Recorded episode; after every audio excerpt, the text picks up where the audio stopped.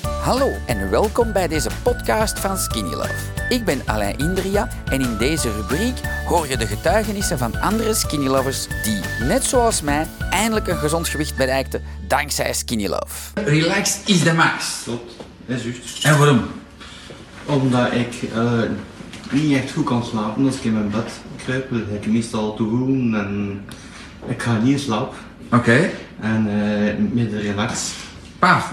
Ja, dat is gedaan. Dat is een vrij, vrij goede smaak.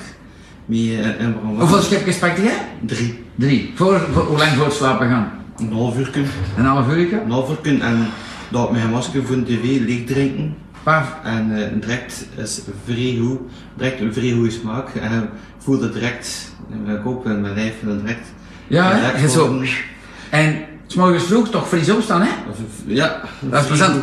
Heb jij ooit eh, raar dingen durven pakken voor te slapen? Of zeg je van, nee, nee, ik heb dat nog Ja. niet gedaan? Ja? Ik heb vroeger veel aan mijn dokter gevraagd en slaapwil wilde mij niet geven. Maar ik had zo van die producten gepakt met Ja? dat, de reclamefilmpje, dat schaapje, dat zo Ja, ja. tegen de basket springt. en Dat niet echt niet een vrij goede smaak, die pil. Ja? En- Oh, die pillen, die moeten toch niet opzuigen, denk ik? Nee, nee, eh, maar op het moment dat dat die geur in nu. Ja, ja, was dat wel- Nee, hè.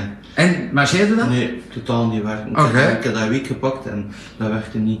Dankzij dit verhaal heb je ongetwijfeld zelf ook de motivatie gevonden om van start te gaan. Ik wens jou heel veel succes!